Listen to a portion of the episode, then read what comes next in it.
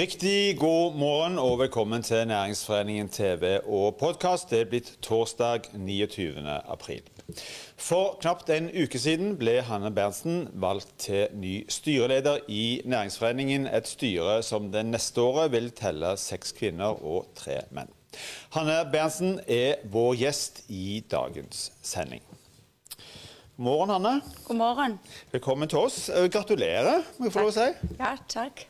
Du, eh, For de av oss som av og til er på sosiale medier, så, så, så vi jo at det ble veldig mye kommentarer. Veldig mange lykkeønskninger. Eh, etter dette ble kjent, er du overrasket over oppmerksomheten og responsen? Ja, det må jeg si.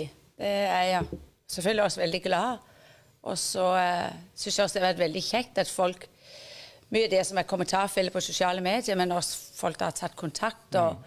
både gitt råd og uh, ja, ytret deres bekymring. Så uh, det er jo kjekt at folk uh, opplever at de kan fortelle meg hvordan de tenker, og det mm. syns jeg blir spennende. Du, mange kjenner deg, ikke alle. og når vi hører deg snakke, så hører vi at du ikke, du er ikke, opp, du er ikke oppvokst i Stavanger. Si litt om bakgrunnen din. Eh, jeg er oppvokst i Danmark. Eh, dansk mor og norsk far. Bergenser. Så jeg pleier av og til når jeg treffer en bergenser, sier ja, du hører sikkert også at jeg er halv bergenser. Eh, så, så, jeg er faktisk halv bergenser og halv, dansk. Så jeg bodde i Danmark helt til jeg ble ungdom, hvor jeg fant ut at jeg hadde lyst til å lære å stå ordentlig på ski og lære noe om den norske kulturen. Den mm. hadde jeg selvfølgelig lært i sommerferiene, men så, så, derfor var det jeg reiste til, eh, til Hovden i en alder av 18 år. Mm. 19 år. Da var du nesten blitt voksen i voksenlivet. Hva, hva Si litt om bakgrunnen din sånn yrkesmessig og litt sånn. Nei, altså Det som er, det er jo at mine foreldre blir skilt når jeg blir 16, og det gjør jo at på mange måter må jeg bare lære å klare meg sjøl. Mm. Så når jeg reiser til Hovden, så er det jo først og fremst for å få et år til å tenke meg opp. Jeg er ferdig med gymnaset. Og så opplever jeg jo at dette med reiseliv og med mennesker trigger meg på et vis. Og så får jeg masse muligheter på dette hotellet hos Ole Brun, som på en måte gir meg muligheter til å både få lov å få lederskap i en ung alder, og plutselig har jeg vært rundt om det meste i hotellet mens jeg går hotellutdannelsen i, i Danmark samtidig med. Mm. Så folk fra Stavanger har, hadde da gjennom sesongene jul og påske opplevde jeg alltid var der. Fem år så var jeg jo da i Danmark innimellom. Men jeg bygger på en måte et nettverk allerede der veldig tidlig som også gjør at, eh, at eh, selv om jeg er innom Sandefjord et års tid, så blir det Stavanger jeg lander med, fordi det er mye folk fra Stavanger mm. rundt Hovden. Og gir meg muligheter til at uh, Gode Olsen spør om jeg har lyst til å drive Café de France for han i, i Stavanger. Og så synger jeg en tur innom Stavanger, vakker by, hadde vært der en gang før. Så skal jeg sitte nesen hjem, tenkte jeg. Så mm. det var sånn en mm. Her traff du òg din eh, ektefelle. Ja. En ekte Tasta-gutt, tror jeg. Ja. Og, og, og Vidar-gutt. Um, som du òg starta Ostehuset med uh, i 19... Hva var det? 19, 1999. Nemlig. Se litt om, om, om bakgrunnen for, for, det. Altså, Vi ble jo så opptatt av dette med at vi så folk elsker å komme på den fine restauranten, men når vi ble sjelden bedt noen steder for ingen til å lage mat til Tom Helge. og så, sånn, Hvis det endelig var, så så vi også det var mye posemat det gikk rundt forbi. Mm. Og så fant vi ut kan vi ikke lage noe som gjør at folk blir mer opptatt av det de spiser de fem dager i ukene, og ikke de to dager i ukene. Uh, så, så, det var liksom det som var grunnlaget. Og så var det liksom uh, Det var den her eh, på Romsø Piffi med ost, halv ost og sånt. Og så var jo, men det var jo ingen næring i det. Så det der finne noe som også var næringsrikt, trikket oss. Mm. Så kjenner vi jo historien. Dere har jo utvida etter hvert. Eh, eh, det har gått mye opp. Det har jo gått litt ned, eh, som det ofte gjør i denne byen. Men det har i hvert fall utvida etter hvert. Men Se litt om driften i dag. Nei, altså Ostehuset Hinna og Ostes Øst er jo solide bedrifter og har jo vært der gjennom mange år. Så har jo Hinna de første fem årene vært ganske krevende, den oss. Mm. Og det trodde jeg på en måte at det var noe av det vi skulle høste litt av når vi kom i en situasjon hvor vi trengte hjelp fra banker og andre. At man, hadde, man kikket tilbake og så hva, hvordan vi faktisk hadde snudd det der ute, hvor vi åpner opp, og så neste dag så er det ikke folk i noen av bygningene, for, for det bare kommer en ny krise. Så, så, vi har på en måte, og når vi også åpner opp ute i Østerbydelen, så ble det jo Det var jo 2008, det var også en krise. Mm. Så vi har på en måte åpnet så mye krisetid at vi trodde når vi åpnet på Domkirkeplassen, så skulle det gjøre at vi hadde en respekt for det vi holdt på med. Men uh, det var nå én ting. Men en pandemi kunne vi heller ikke mm. altså, forutse. Det er jo ganske åpenbart at, at spesielt kanskje innenfor kafé, restaurant, eh, den type næring, så, så med, med, alle de lo lokale og nasjonale smittevernreglene som har blitt innført, så, så har det vært tøft for, mm. for, veldig mange. Det ble det for dere òg. Hvordan opplevde du liksom det personlig, øh, at en til slutt måtte gi tapt på Domkirkeplassen? Jeg tror den angsten jeg har hatt med meg i 20 år å drive. Jeg, jeg syns det kanskje har vært det tøffeste å drive. Angsten for at du kanskje en dag ikke kan gi din ansatte lønn. Mm. Og forutsigbarhet om å stenge dørene. Uh, opplevde selv min egen far måtte gi tapt i en krise, så, så, jeg har nok blitt født og oppvokst med det. Men når den dagen kom, så er det akkurat som alle andre oppgaver. Du må velge å, å finne løsninger i det, og så må du velge om det skal bli en del av deg Mm. Eller du skal velge å si at det har jeg, hva jeg har lært av det, og gjøre det til en styrke. Så vi hadde jo uh, jobbet mye med det. Vi så jo denne, forutså jo dette faktisk hele fjoråret. Så det var jo ikke noe Så vi først tok beslutningen, så var det jo fordi at uh, det å gå inn i et nytt år Vi så jo når vi plutselig måtte gi fra oss masse store selskaper som omsetning, som visste at vi kom til å få enormt mm. stykke røde tall de siste to månedene, så så var vi avklart med det, og så var vi oss De ansatte var jo også med å hjelpe oss over mm. den kneiken. Men når, når en lever midt i en pandemi eh, som en ikke har noe kontroll på, ser hvordan utviklingen egentlig er, det er lite en òg kan, kan, gjøre, er det etter hvert òg en lett lettelse på en måte og, liksom å, å, ta den endelige avgjørelsen, fordi det er ikke noen vei utenom? Jeg tror ikke man kan si lettelse. Mange vil nok tro det, men lettelsen kommer. Mm. Lettelsen er kommet nå. Fordi at nå kan jeg på en måte til og med bruke tid på å bli styreleder i næringsforeningen. Altså, jeg lever ikke min egen liten boble. Men der da, når du må gi slipp på noe, et baby eller hva det er, så er sorgen så stor at den fyller mer enn en lettelse, så er det det å lære å takle det som blir det det blir avgjørende. Og så kommer lettelsen etterpå, hvor du tenker når du kommer inn i januar du så Oi, vi var ikke ferdige. Vi trodde jo alle når vi kom til januar, så vil vi komme inn i en ny tid. Og når du opplever at det gjør vi ikke, så kommer lettelsen og tenker nå er jeg glad for at jeg ikke sitter i det, og faktisk kan være mye mer til stede på de to andre bedriftene, mm. som jo også har måttet unnvære oss og har trengt oss på bakgrunn av at domkirkeplassen har tatt så mye oppmerksomhet. Vi må jo snakke litt om korona òg, før vi går inn og snakker litt mer om, om rollen i, i, som styreleder i Næringsforeningen. Eh, beskriv litt sjøl eh, for din egen del, og gjerne på vegne av bransjen òg, hvor, hvor tøff dette siste året har, har vært. Ja, men jeg tror ikke folk kan forstå det. Altså, jeg tror mange har hatt det, men det å hele tiden måtte åpne opp og lukke ned Altså, du kan bare tenke deg, De ansatte øh, vet ikke om de har jobb, og så plutselig får de beskjed om de kommer på jobb, og så blir de så glad, og så får de beskjed om ja, vet du hva, du må forresten bare gå hjem likevel. Mm. Frustrasjon hos arbeidslederen øh, med at nå må jeg betale i ti dager. Frustrasjon om du vet altså, For å si det sånn, regjeringen har gitt utsettelse på skatt og moms, men de tar seg 8% renter. Hvor er logikken i det. Det er så urettferdig. Så det er noe sånn avmakt som kommer inn i bransjen vår.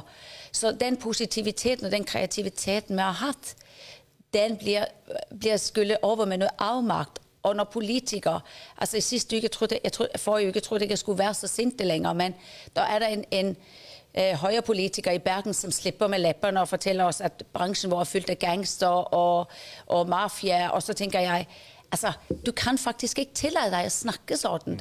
Eh, det kan godt være det fins, det fins i alle bransjer. Men det man faktisk gjør nå, det er at man prøver å jobbe og være positive, løfte de ansatte, motivere i, i et farvann som du bare overhodet ikke har noen form for kontroll på. Opplever du, eller Hvordan opplever du med utgangspunkt i det du sier, at, at bransjen for å snakke om bransjen, da er ivaretatt av norske myndigheter? Både i forhold til tiltakspakker, eh, støttetiltak, hvordan ting er lagt til rette? Eh, kommer, det har jo kommet litt flere pakker nå i det siste, så, så det, det, er vanskelig for meg å si akkurat nå om, om, vi er godt nok stilt eller det har hjulpet oss over. Det som bekymrer meg, og bekymrer meg helt fra starten av, det er måten vi snakker på. Så merker jeg at det er ingen der bryr seg om den langsiktige eh, planen for hvordan vår bransje skal komme ut av dette. Jeg tror vi kommer til å se et enormt skille, hvor vår bransje kommer til å være taperen på lønnsnivået. Eh, og så blir andre bransjer har stått i hvert fall ikke gått tilbake på lønninger, kanskje attpåtil hatt lønnsvekst selv om det var pandemi, og ikke fremdeles gå på jobb og ha godene som ligger til. Mm. Eh, oljebransjen har hatt enormt mye gode opp igjennom alle år, det vet vi. Og når endelig regjeringen går inn og sier nå skal eh, det beskattlegges altså, så er det endelig vår bransje har kommet litt opp, så vi har kunnet gi litt, litt mm. tilbake til våre ansatte. Så nå skal de skattelettes for det. Og, og det, det, er noe med at vi er en sårbar bransje. Uh, og det er, jeg håper og tror at vi kan få endre det, men jeg er bekymret. Veldig bekymret. Mm.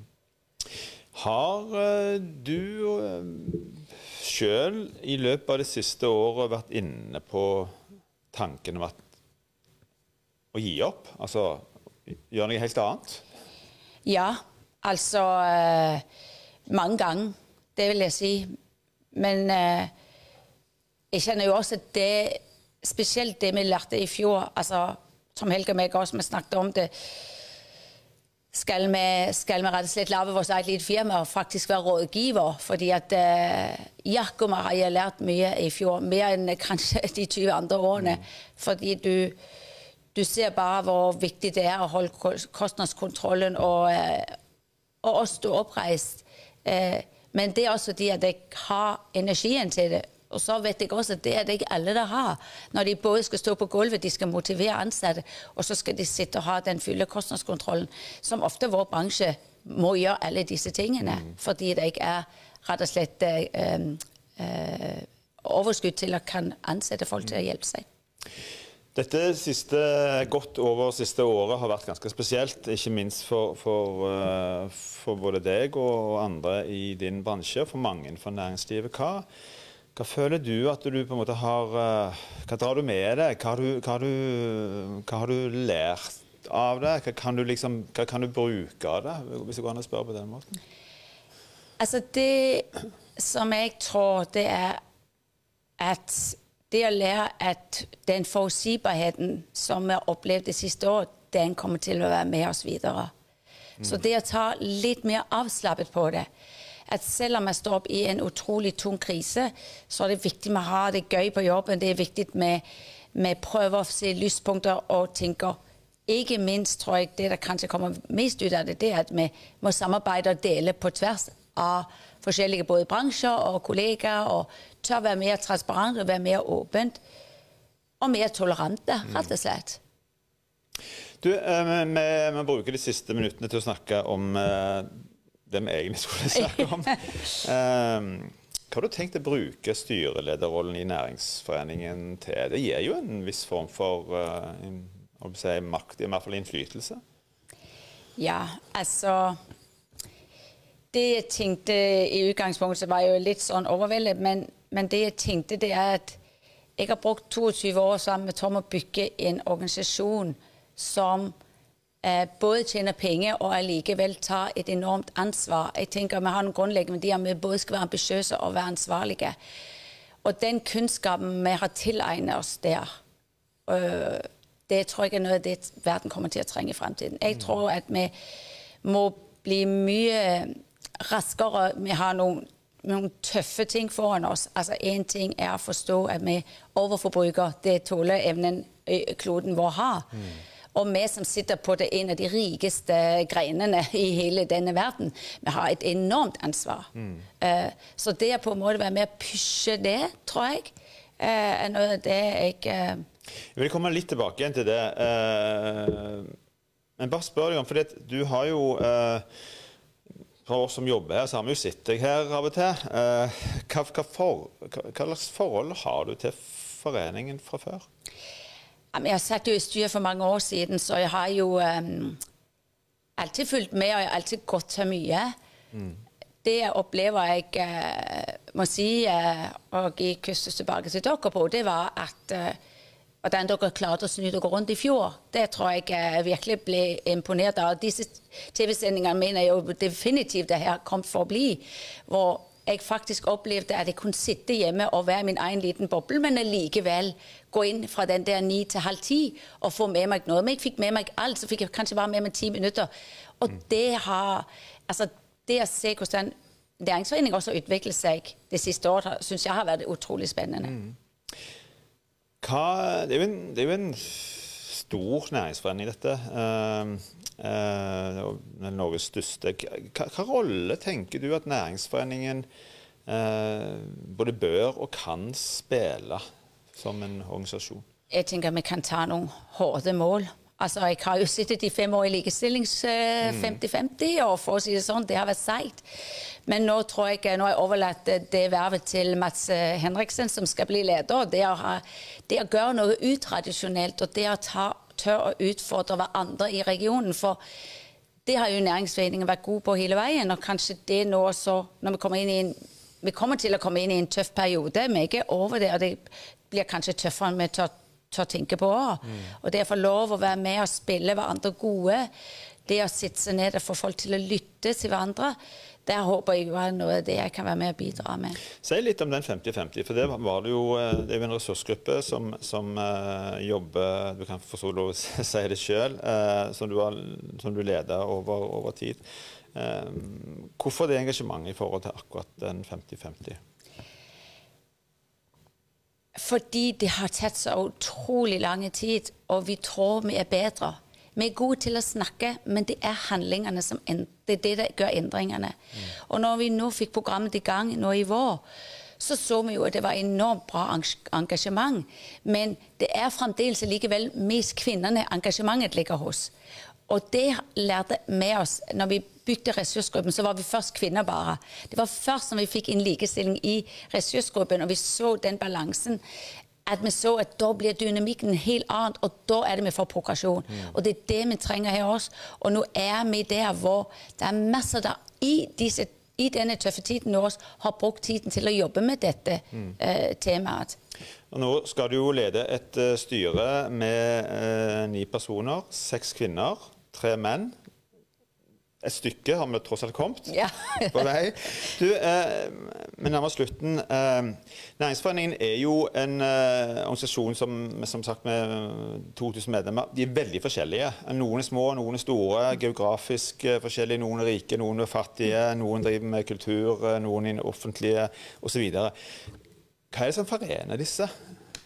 Jeg tror det er den samme utfordringen som jeg står for i min lille bedrift. Det er at jeg må både være opptatt av hvilket fotavtrykk jeg sitter på kloden vår, eh, enn noen gang. Og så må jeg også innstille meg på å lage en forstå det digitale språket, få en effektivisering i bedriften min. For det krever eh, den nye fremtiden nå. Mm. Så, så to vidt forskjellige ting. Og det uansett om du er liten eller stor, så har du de samme utfordringene på blokken din for tiden. Mm. Er det sånn at du gleder deg, eller grugleder du deg, eller hvordan er det? Jeg grugleder meg til å begynne med, men nå gleder jeg meg bare. Godt å høre. Hanne Bersen, tusen takk for at du kom til oss. Lykke til med arbeidet. Da er òg denne sendingen slutt. Vi er tilbake igjen i morgen på samme tid. Og husk i mellomtiden, hold avstand, ta godt vare på hverandre.